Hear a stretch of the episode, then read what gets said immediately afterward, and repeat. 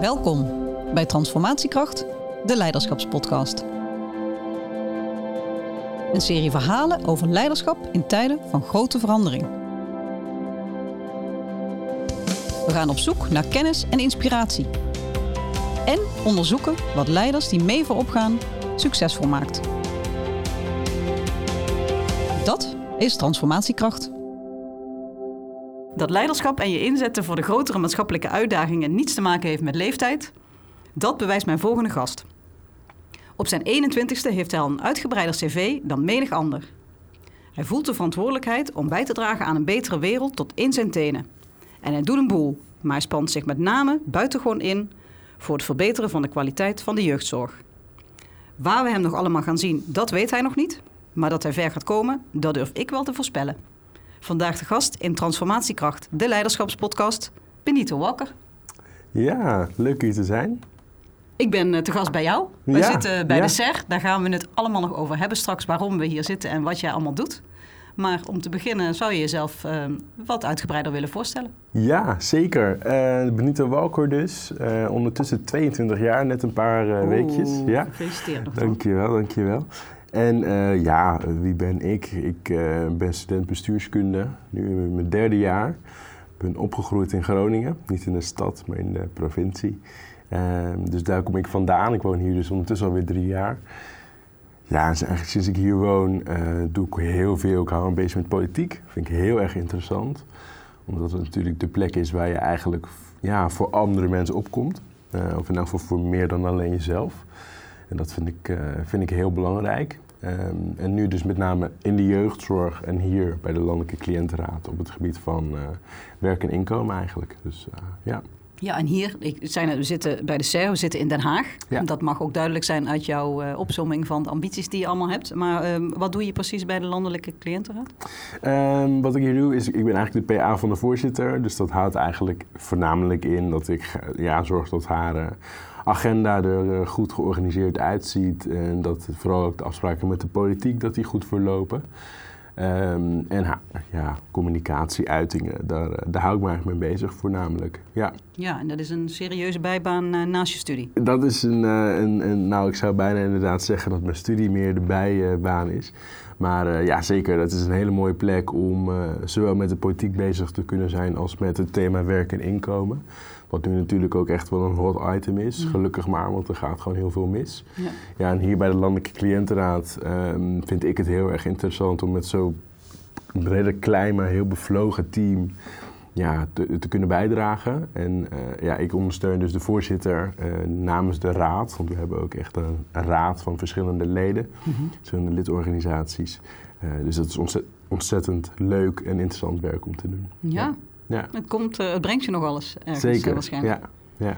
Hey, Benito, een tijd geleden heb ik jou benaderd eh, op social media, want ik zag, denk ik, posts op LinkedIn van jou eh, voorbij komen ehm, over de jeugdzorg. Ik Ja. heb inmiddels gezien dat je ook op tv bent geweest al, dus er begint meer aandacht voor jouw zaak te komen.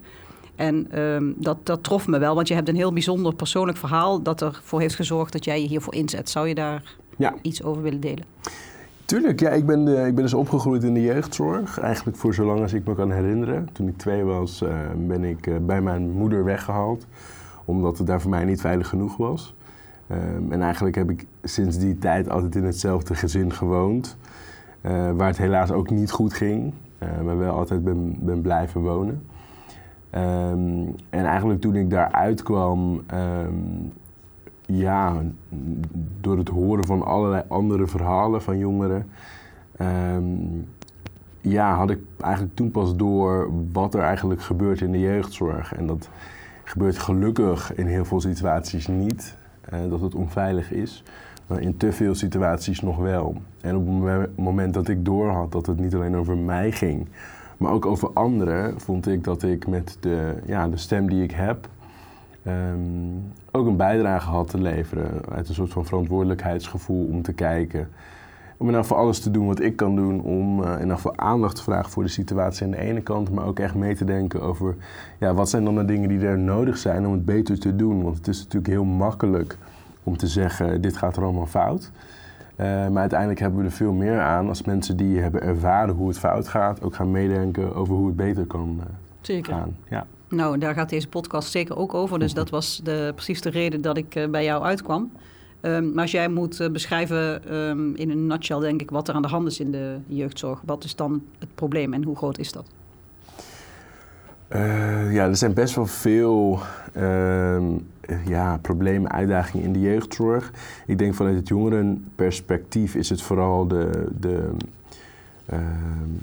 de kleine mate van zeggenschap die je hebt over eh, wat er met jou gebeurt in de jeugdzorg. Dus waar je woont, wat voor behandeling je krijgt, maar ook het toezicht. En dus echt ook de controle op is het er wel veilig. Want we gaan er denk ik te vaak vanuit dat mensen in de jeugdzorg werken met de intentie dat ze iets goeds willen doen voor jongeren. En dat is bij mhm. de overgrote meerderheid zeker ook het geval, denk ik. Uh, maar ook als je goede bedoelingen hebt, kan je soms voor een onveilige situatie zorgen. En in veel jeugdzorgsituaties hebben we daar te weinig toezicht op, hebben we daar te weinig zicht op. En dat is natuurlijk heel kwetsbaar, zeker omdat kinderen die opgroeien in de jeugdzorg uh, daar zitten omdat ze thuis niet veilig genoeg waren of dat hun thuisomgeving voor hen een bedreiging uh, vormde. Uh, dus dat gaat er mis in de jeugdzorg en gaan ook op allerlei andere gebieden dingen fout, maar dan wordt het heel ingewikkeld op het hmm. gebied van het stelsel. De, vers de, verschillende verantwoordelijkheden tussen de overheden, de aanbieders die er nog tussen zitten. Ehm, dat maakt het ontzettend ingewikkeld. De verschillen tussen gemeenten, dat de ene gemeente bijvoorbeeld een ander tarief uh, kan betalen dan het andere. En veel aanbieders die zitten natuurlijk bovenregionaal, dus die hebben dan met heel veel verschillende gemeenten te maken. Uh, je moet je bijvoorbeeld voorstellen om het tastbaar te maken, uh, kinderen die opgroeien in een gezinshuis. Dat is een kleine setting waar jongeren uh, komen die eigenlijk net niet te veel, hè, net te veel aandacht nodig hebben om in een pleeggezin te kunnen opgroeien. Mhm. In de ene gemeente krijg je daar 100 euro vergoeding voor per dag en in de andere bijvoorbeeld 140 euro per dag. En in weer een andere gemeente 90 euro per dag. Mhm. Um, dus dat zijn hele uh, bijzondere verschillen en dat gaat op, op heel veel uh, andere terreinen binnen de jeugdzorg ook zo. Dus het zit hem aan de ene kant dus in de positie van jongeren en eigenlijk ook de positie van ouders, de machteloosheid um, um, voor, voor hen eigenlijk binnen het systeem. Uh, de druk ook die er op medewerkers ligt om in hele beperkte tijd voldoende aandacht te kunnen besteden aan kinderen, omdat ze natuurlijk ja, heel veel tijd moeten schrijven en eigenlijk heel weinig ja, tijd daarin kunnen vrijmaken, echt voor de, de kern waar het over gaat. Dus dan hebben we het in jargon over de administratieve lasten.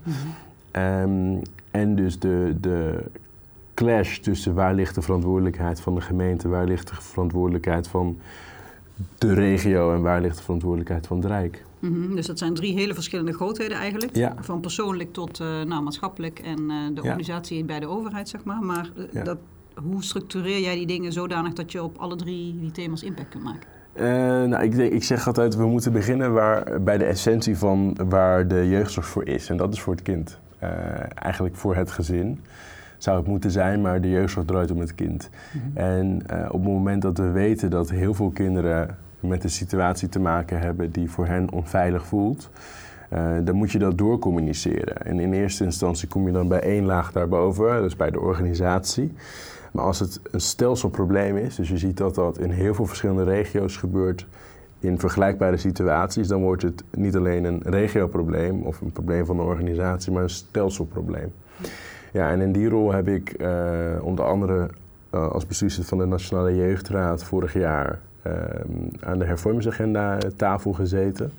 Om ook dus echt op stelselniveau mee te kunnen praten over wat is er dan nodig voor jongeren om het beter te maken. Mm dus wat ik heel erg probeer te doen is ook het onderscheid te maken tussen wat is bijvoorbeeld mijn ervaring en de ervaring van een aantal andere jongeren. En wat zit echt in het systeem. Uh, want er zijn natuurlijk dingen die ik heb meegemaakt die gewoon te maken hebben met het gezin waar ik zat. En niet per se te maken hebben met een aanbieder of met een gemeente of met het Rijk. Mhm. Of met de manier waarop we het stelsel hebben geregeld. Um, dus om het simpel te formuleren, ik probeer dat uit elkaar te trekken door gewoon heel goed te luisteren naar wat er de verhalen zijn en dan zelf na te gaan denken.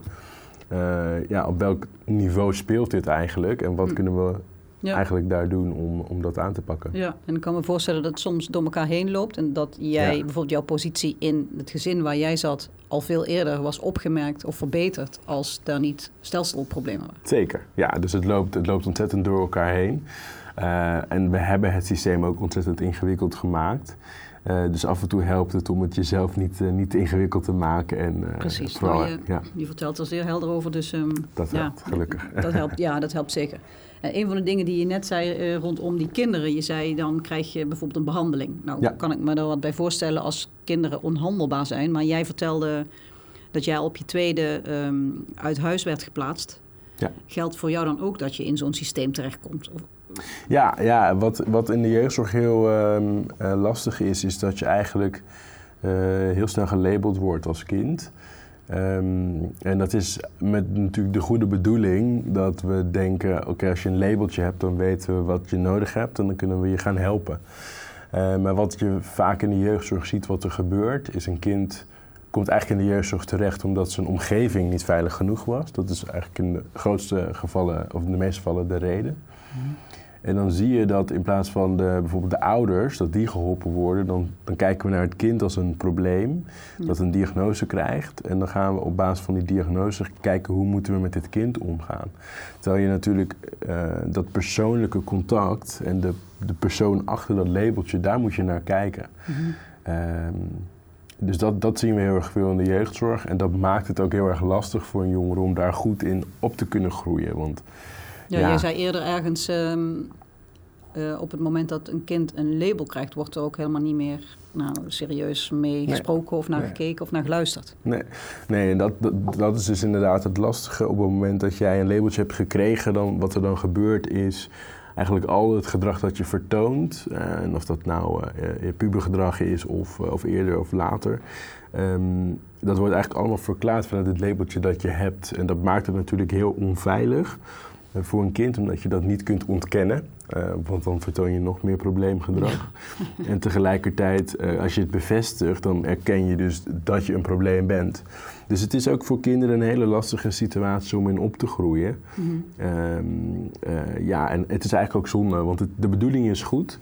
Ehm, maar als we niet goed weten hoe we het moeten toepassen, dan, Ja. dan hebben we denk ik wel echt een, een probleem. En ja, Ja, nou ben jij vrij eh, mondig en intelligent en inmiddels volwassen. Maar Ja. als jij terugkijkt naar eh, toen jij kind was, op welke manier had jij dan gewild dat volwassenen met jou het gesprek aan zouden gaan hierover?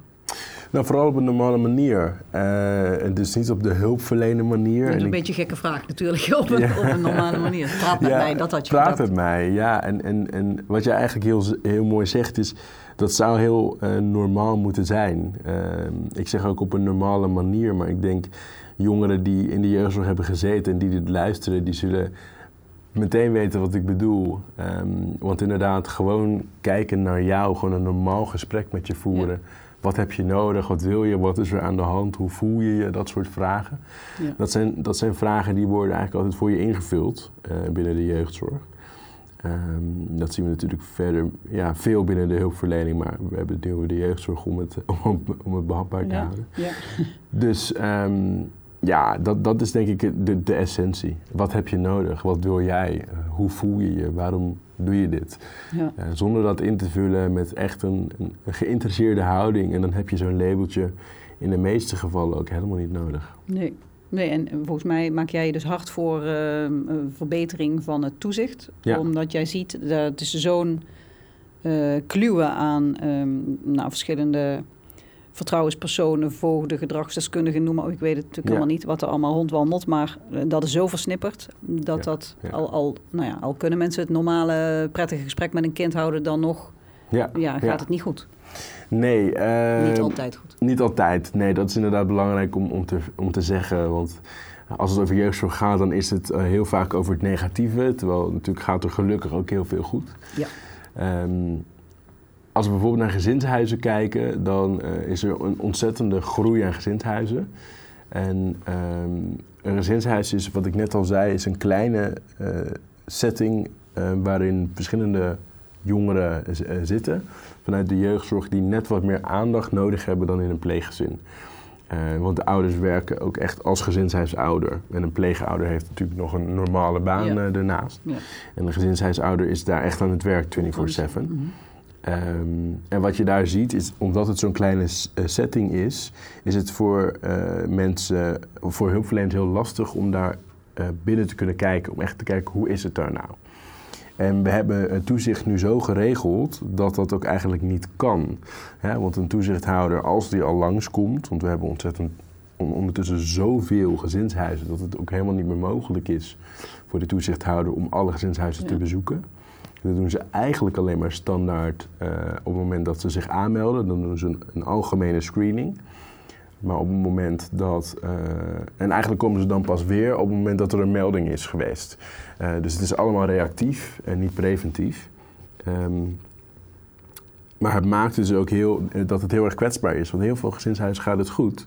Maar op het moment dat het niet goed gaat, is het voor een toezichthouder of een voogd of een gedragswetenschapper is dat bijna niet te zien. Omdat het natuurlijk op dagelijkse basis gebeurt in een setting waarin je gewoon met je ouders bent. Ja. Uh, dus het is heel moeilijk om daar uh, um, tussen te komen. Maar we hebben het nu ook zo geregeld dat het, dat het ook niet echt kan. En dat is het lastige. Ja. ja. Nog een citaat uit het programma Argos, waar jij aan bijdroeg een tijdje geleden. Citaat van jou. We hebben het systeem zo ingewikkeld gemaakt dat we niet meer weten wie we moeten zijn. Ja. En ik zag later na wat onderzoek dat ook de Algemene Rekenkamer in een rapport over de jeugdzorg ja, concludeert dat veel partijen wel naar elkaar kijken en inderdaad niet zo goed weten wie, wie van wat is. Ja, het rapport uh, Georganiseerde Onmacht mm -hmm. is dat, uh, geloof ik. Ja, um, precies. Uh, we hebben, wat ik net al zei, we hebben een verantwoordelijkheid van gemeenten, van aanbieders, van het Rijk op het stelsel. Dan hebben we gedragswetenschappers, gezinsvoogden van gecertificeerde instellingen. Noem het allemaal maar op. Er zijn soms nog psychologen betrokken of een wijkteam. En het is zo ontzettend ingewikkeld uh, voor ouders en jongeren om te weten bij, bij wie je moet zijn. En ook omdat er natuurlijk uh, best wel een grote machteloosheid is. Dus heel weinig rechtsbescherming uh, binnen de jeugdzorg. Je hebt eigenlijk zelf bijna niets te zeggen over wat er gebeurt. En dat maakt ook dat heel veel jongeren en ouders op een gegeven moment, als ze ervaring hebben die negatief zijn in de jeugdzorg, dat ze ook geen hulp meer zoeken. En als je geen hulp durft te zoeken, dan is dat ook weer een, een aantekening en ook weer een minpuntje. -hmm. Dus je moet je voorstellen dat dat zich steeds verder en verder opstapelt, tot op het punt dat je er helemaal niet meer uit kunt komen. -hmm. Terwijl de oorspronkelijke hulpvraag waarschijnlijk gewoon heel erg klein was. En dat is natuurlijk wel, wel een groot probleem. En ja, in alle eerlijkheid, um, het gaat om de meest kwetsbare kinderen van Nederland. Uh, ja. Dus dat we dan een systeem hebben gecreëerd waarvan de Algemene Rekenkamer uh, zegt is ge georganiseerde onmacht. Mm -hmm. uh, ja, dan hebben we met z'n met, met allen wel echt een, een, fundamentele uitdaging en een fundamenteel probleem. Ja. Nou, denk jij graag mee over mogelijke oplossingen? Dat vertelde je net. Voordat ja. we daar ehm, misschien eens wat induiken, heb ik nog één vraagje over. Want jij vertelde net, ja, er, er komen steeds meer gezinshuizen. Ja. Dat heeft natuurlijk een reden. Kun je daar eens jouw visie op geven? Ja, gezinshuizen worden mm, ondertussen een beetje gezien als de ideale uh, gezinssituatie. En ik durf daar ook wel een heel eind in mee te gaan. Omdat het in principe mensen zijn die echt met hart en ziel um, hun eigen huis zeg maar, openstellen. En daar kinderen die, die niet thuis kunnen opgroeien um, uh, een plekje, een thuis kunnen geven. Um, waar komt die groei door? Ik denk doordat het hebben van een pleegkind um, toch wel weer heel erg anders is. Um, dat is vaak ook gewoon één kind wat je naast je biologische kinderen dan ja. in huis neemt. Uh, gezinshuisouders zijn echt wel gespecialiseerde mensen. Je moet er echt ook wel echt voor opgeleid zijn. Hm. Uh, er is nu natuurlijk een afbouw gaande van de gesloten jeugdhulp. Uh, dus het wordt ook weer echt gezien als, als een manier om kinderen die in een gesloten instelling hebben gezeten in een gezinshuis eventueel een plekje te geven.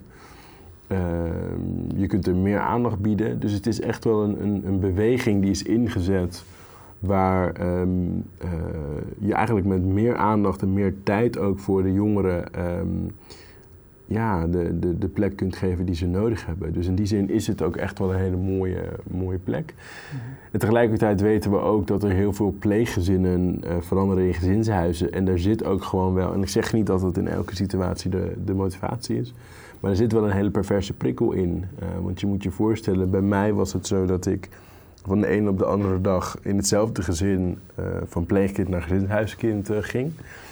Uh, en daarmee veranderde ook de vergoeding die er voor mij werd betaald eigenlijk. Uh, dat ging van ongeveer 600 euro per maand naar 120 euro per dag. Uh, dus ja, er zit ook gewoon wel een perverse financiële prikkel in het systeem... waarvan we ook weten dat dat toch ook wel mensen aantrekt om een gezinshuis te starten. Want een gezinshuis is gewoon een bedrijf. Dus het is gewoon een, een BV of een, een VOF. Dus ja. ja. En de opleiding die mensen daarvoor moeten doen... die is toereikend wat, wat jou betreft? Um, ik denk dat, uh, dat het heel goed zou zijn als de, als de opleiding daarvoor uitgebreider is, omdat we. Uh, wat, kijk, wat, wat anders is binnen een pleegzin dan uh, bij een gezinshuis, of als bij een gezinshuis, is dat een gezinshuisouder, dat daarvan wordt verwacht dat dat een professionele opvoeder is. Um, en dat is nu in de meeste gevallen gewoon nog, nog niet zo. Dus ik denk dat het heel goed zou zijn als we op verschillende manieren ook gezinshuisouders nou ja, verplichten. Ik ben nooit zo van het verplichten, maar ik denk dat het wel heel goed zou zijn om, als we daar nog uitgebreidere richtlijnen voor maken. Voor, nou is het misschien ook niet goed dat je elk half jaar een nieuwe cursus moet volgen of, of dat soort dingen. Ik denk dat dat heel goed zou zijn om mensen die dat zelf nog niet doen, mhm. uh, daartoe ook echt wel aan te zetten, nog veel meer. Want ik denk dat er toch veel gezinshuisouders zijn die, die denken dat ze het zelf wel kunnen. Um, terwijl er ja, toch wel ook hele grote uitdagingen zitten in het vak. Dus ik heb ook echt wel heel veel bewondering voor de mensen die dat doen. Um, dus daar zit ook echt nog wel ruimte voor verbetering in de opleiding, zeker. Ja. ja. Nou, uh, nemen we deze podcast op vlak na de verkiezingen. Ja. Uh, nou, je ziet natuurlijk grotere thema's, uh, nationale thema's, armoede, ja. Eh, de toeslagenaffaire, um, dat soort zaken. Um, nou vroeg ik jou net, um, nou ja, naar jouw visie op de groei van het aantal gezinshuizen. Maar als je naar die bredere maatschappelijke problematiek kijkt, mhm. is het dan te verklaren dat er steeds meer kinderen uit huis uh, worden geplaatst? Um, ja, dat, dat is. Kijk, wat ik. Uh, uit huisplaatsingen zijn altijd lastig. Uh, om, om goed in cijfers te duiden. En ik zeg dat heel vaak omdat. Kijk, in mijn geval was een uithuisplaatsing gewoon echt nodig. Ja. Uh, dus er zijn ook echt heel veel situaties waarin het gewoon nodig is. En tegelijkertijd vind ik ook dat we um, heel goed moeten kijken naar welke kinderen plaatsen we uit huis. En dan zien we gewoon uh, een hele grote uh, meerderheid van um, ja, niet-westerse kinderen eigenlijk. Die, die uit huis geplaatst worden. En dat, is, dat heeft ook te maken met een bepaalde cultuur, een bepaalde cultuurverschillen eigenlijk. Um, waaronder we, uh, ja, nou laat ik het anders zeggen, met een bepaalde norm. Die wij vanuit onze cultuur, de Nederlandse cultuur, gewend zijn. Um, die misschien in een, in, een, ja, in een Surinaams gezin net wat anders zijn. En als daar dan een Nederlandse jeugdbeschermer over de vloer komt, die met zijn eigen referentiekader daar staat, dan, dan kunnen daar dingen ja, gezien worden die voor hem, niet, voor hem of haar niet normaal zijn. Mhm. En dus we zien ook echt wel heel veel uh, uh, dat het daarmee te maken heeft, die uithuisplaatsingen. maar tegelijkertijd ook breder. Ik denk dat we veel meer moeten inzetten op die, ja, dan krijg je die bestuurskundige term civil society. Dat we eens moeten stoppen met die schotten en dat we gewoon hè, heel goed moeten kijken naar wat kunnen we doen om te voorkomen dat iemand dat een jeugdbescherming, dat, hè, dat überhaupt betrokken moet worden. En dat kan in het onderwijs, uh, dat kan op de voetbalvereniging, uh, dat kan uh, bij vrienden, bij familie, dat kan op heel veel verschillende manieren. Om ook de omgeving toe te rusten, om ook te helpen. Om ook in te stappen op het moment dat het in een gezin soms even niet goed gaat. Dus ik denk dat de groei uh, van, uh, uh, binnen de jeugdzorg te verklaren is doordat we heel erg zitten op het labelen, heel erg op dat medische van er is iets mis. Ja. Terwijl we denk ik veel meer kunnen normaliseren. ja, dingen, sommige dingen horen bij het leven en die kan je het beste met je eigen omgeving oplossen. Ja, zeker. Dat is mijn nou ja, bouwde stelling dat ehm, de armoede in ons land toeneemt En dat daardoor meer kinderen in de problemen komen en in gezinshuizen belanden, die gaat natuurlijk uh, iets te kort door de bocht. Dat denk ik wel. Nou, ja. gelukkig, ja. zou ik willen zeggen. Dat zou ik ook willen zeggen. Ja. Ja. ja. ja. En het zal zeker een invloed hebben, maar uh, gelukkig is, zal het niet zo'n directe relatie nee, zijn. Nee, precies. Dat is wel goed om dat, uh, om dat helder te hebben. Als we kijken naar de oplossingen, wat moet er volgens jou gebeuren om deze spiraal te doorbreken?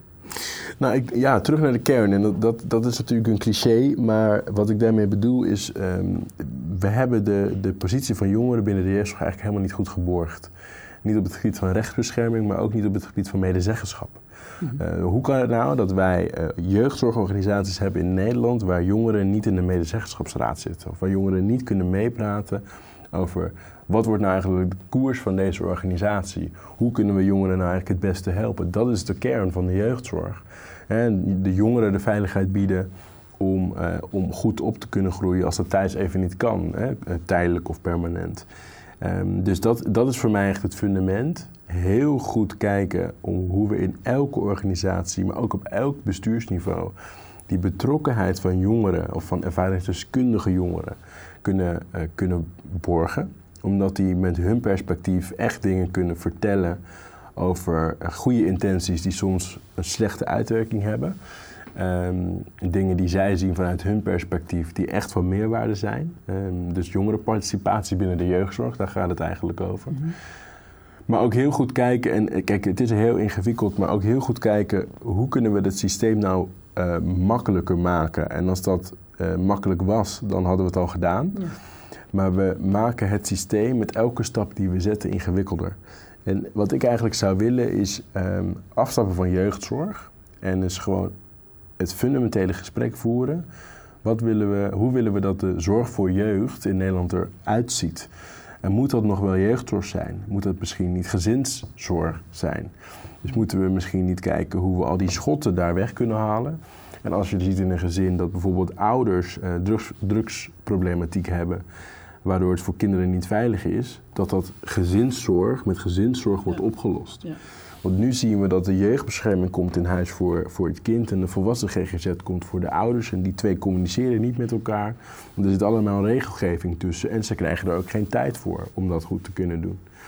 Dus je bent ook als, als jeugdbescherming ben je dan afhankelijk van de ouder wat die wel en niet communiceert over hoe hè, wel of niet voortgang eh, wordt bereikt.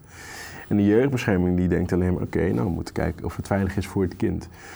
Terwijl in de wet staat dat het doel is om een kind thuis te laten opgroeien. Mhm. Dus dat zou ik echt willen zeggen. Hoe kunnen we het verbeteren door eens terug te gaan naar eh, wat is eh, de zorg voor jeugd in Nederland? Hoe willen we dat dat eruit ziet? Vinden we ook niet dat sommige dingen misschien veel beter in de eigen omgeving opgelost kunnen worden?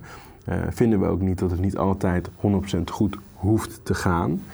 Uh, zeker omdat we ook weten dat er in de jeugdzorg, binnen de jeugdzorg veel geweld uh, voorkomt. Mhm. Dus um, aan de ene kant een fundamenteel gesprek over hoe ziet de zorg voor je jeugd eruit. Aan de andere kant betrek jongeren bij elke organisatie die met jeugdzorg te maken heeft. En aan de andere kant ook uh, heel goed kijken hoe je uh, het toezicht kan verbeteren. Zodat ook het geweld eh, binnen de jeugdzorg vermindert. Ja. Ja. Nu vertelde je in het begin ook dat je politiek geëngageerd bent. ja. Zie jij uh, oplossingen komen uit de politiek? Um, nou, ik, wat ik vooral zie is dat de politiek niet zo heel goed weet wat ze, wat ze ermee moeten. Ik zie eigenlijk ook een politiek die helaas vrij weinig aandacht heeft voor de jeugdzorg aan zich. Uh, wil ik ook wel echt gezegd hebben. Het gaat er te weinig over. Um, Kijk, we hebben nu bijvoorbeeld een hervormingsagenda. En het is best uh, uh, knap dat na ontzettend lang, veel te lang erover praten, dat die er nu ligt. Mm. Maar wat we zien is dat het toch weer meer is van wat er, uh, waarvan we weten dat het niet werkt. Um, en dat vind ik het lastige eraan. want we werken, Sharon Stellert, misschien ken je het proefschrift uh, Boemerangbeleid. Wat zij heel mooi beschrijft is, we, we gaan verder met een systeem waarvan we al heel erg lang weten dat het niet functioneert. Mm. En we zijn elke keer hele kleine dingen aan het aanpassen om, om te kijken of in de hoop dat het nu wel gaat werken. En wat we denk ik moeten doen, wat de politiek eigenlijk zou moeten doen, is dat fundamentele gesprek organiseren op een, met echt een blanco check, dus even helemaal loslaten wat we nu hebben. En kijken naar wat zouden we heel graag willen en wat hebben we ervoor nodig om dat te kunnen doen. Dat is denk ik wat we nu nodig hebben. En natuurlijk, dat is niet zo makkelijk, uh, want dan hadden we het met alle thema's wel gedaan. Maar dat is wel wat, waarvan ik hoop dat de politiek dat, dat lef toont om dat te gaan doen. Ik wou het woord lef net in de mond nemen, maar volgens mij is het bij um, nou, alle grotere maatschappelijke opgaven zo dat je incrementele veranderingen natuurlijk gewoon ja, veel makkelijker bespreekt onderling. en het voelt ook comfortabeler dan uh, doen alsof je opnieuw moet beginnen. Dus dat is, uh, nou wie weet, jij studeert bestuurskunde. Wellicht uh, heb je nog uh, energie om je in de veranderkunde te gaan storten en daar eens een wat uitspraak over te doen. Want ja. ja, dat is denk ik wel hard nodig. Ja. Gezien de opgave waar we voor staan.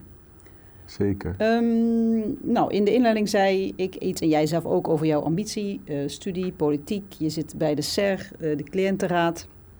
Um, vertel eens, uh, hoe, hoe, hoe ontstaat dat nou zo? Je bent, uh, nou ja, je, je, je, studie is eigenlijk je nevenfunctie, zei je net al ja. maar je bent echt volop uh, maatschappelijk bezig al.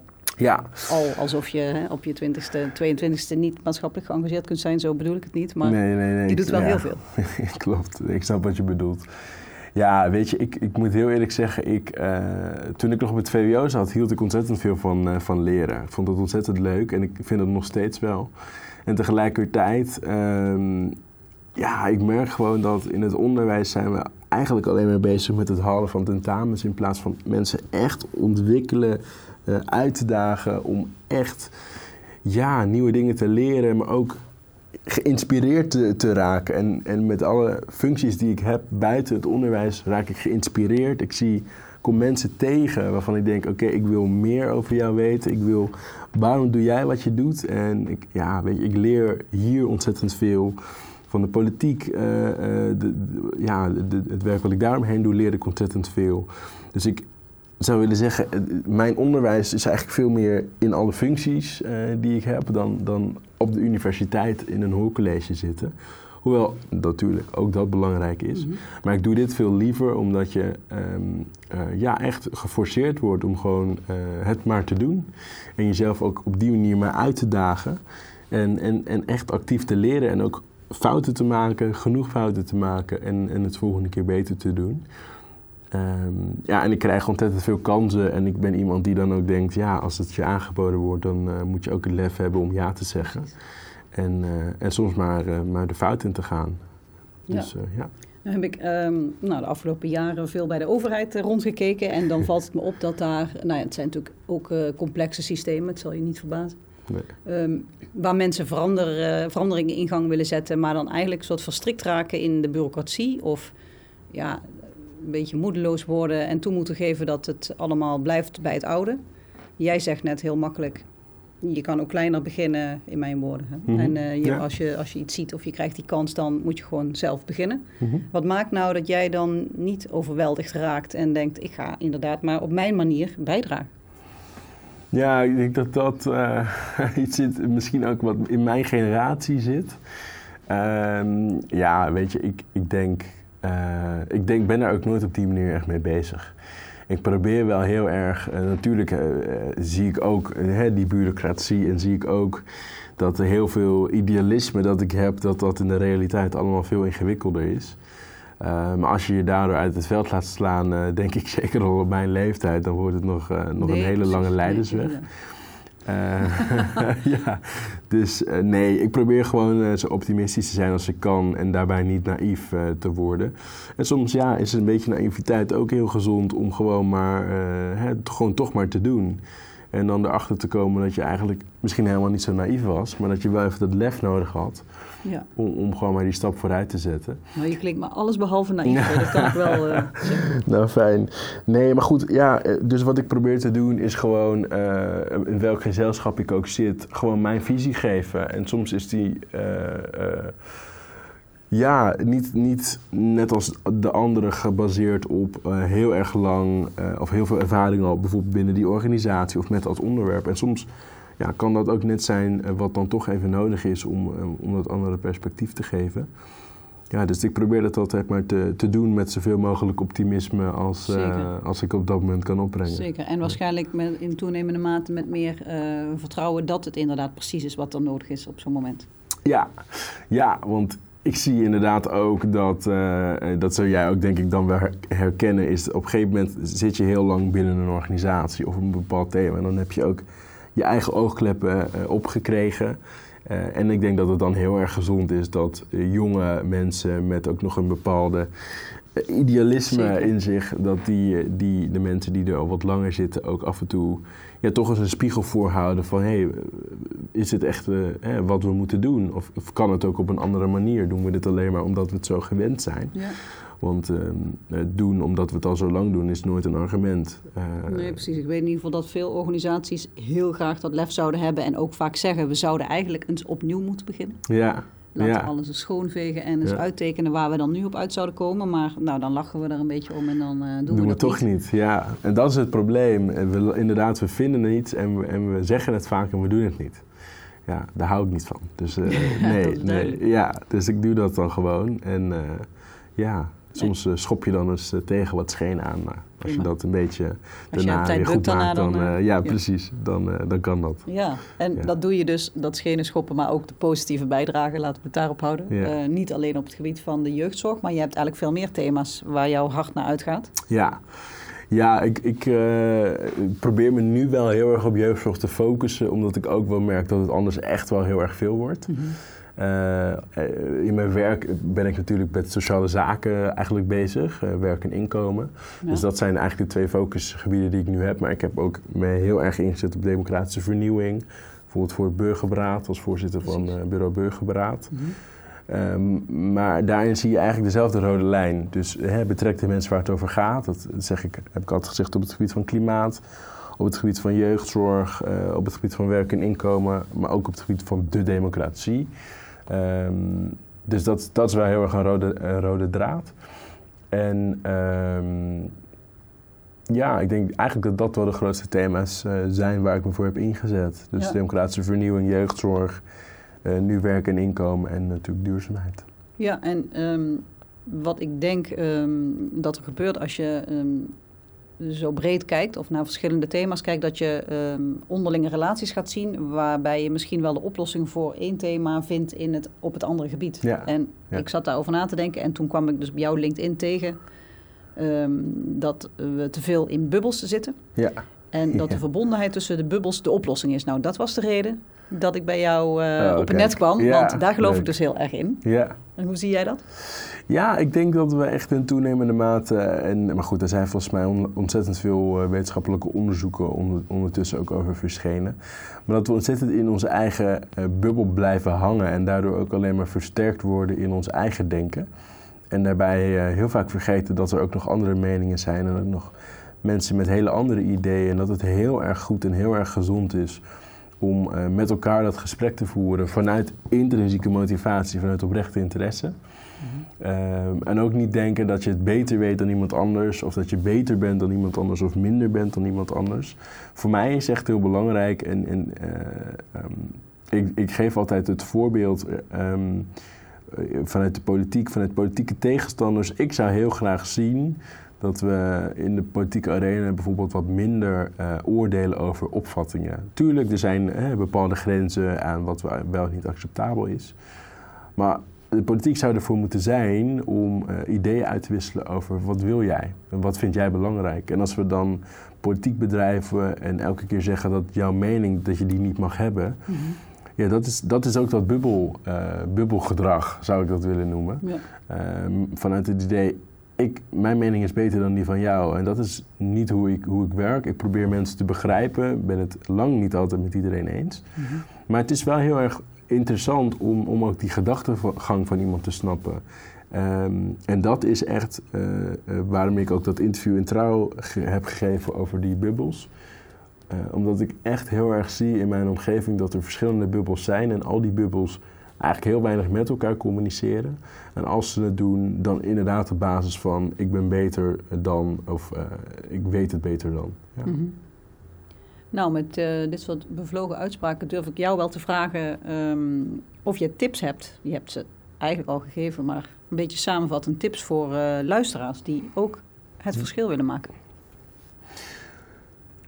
Nou, heb lef. Uh, laat je niet, niet tegenhouden, zeg ik met mijn 22 jaar, om, om af en toe gewoon echt dat te doen wat, wat jij denkt dat nodig is en misschien niet altijd even populair is om, om te doen. of wat voor sommige mensen misschien te ver in de toekomst ligt, wat nu niet relevant is. Dat is juist heel belangrijk, denk ik. En ga vooral ook eens in gesprek met mensen die heel anders naar dingen kijken dan jij, want je kunt daar alleen maar heel erg veel van leren. Uh, je hoeft het niet met elkaar eens te worden, maar je hebt heel erg veel aan elkaars inzichten. Daar kan je ontzettend veel mee. En um, ja, wat voor tips heb ik nog meer? Um, ja, laat je idealisme niet los, denk ik. Ik heb zo vaak van oudere mensen dan gehoord van... Uh, ja, weet je, je bent jong, je bent nog idealistisch. Uh, je, je, gaat nog wel merken hoe de realiteit is. Ja, misschien wel, maar ik zou, ik zou ook mensen die wat ouder zijn... wat meer ervaring hebben, dat idealisme ook gunnen.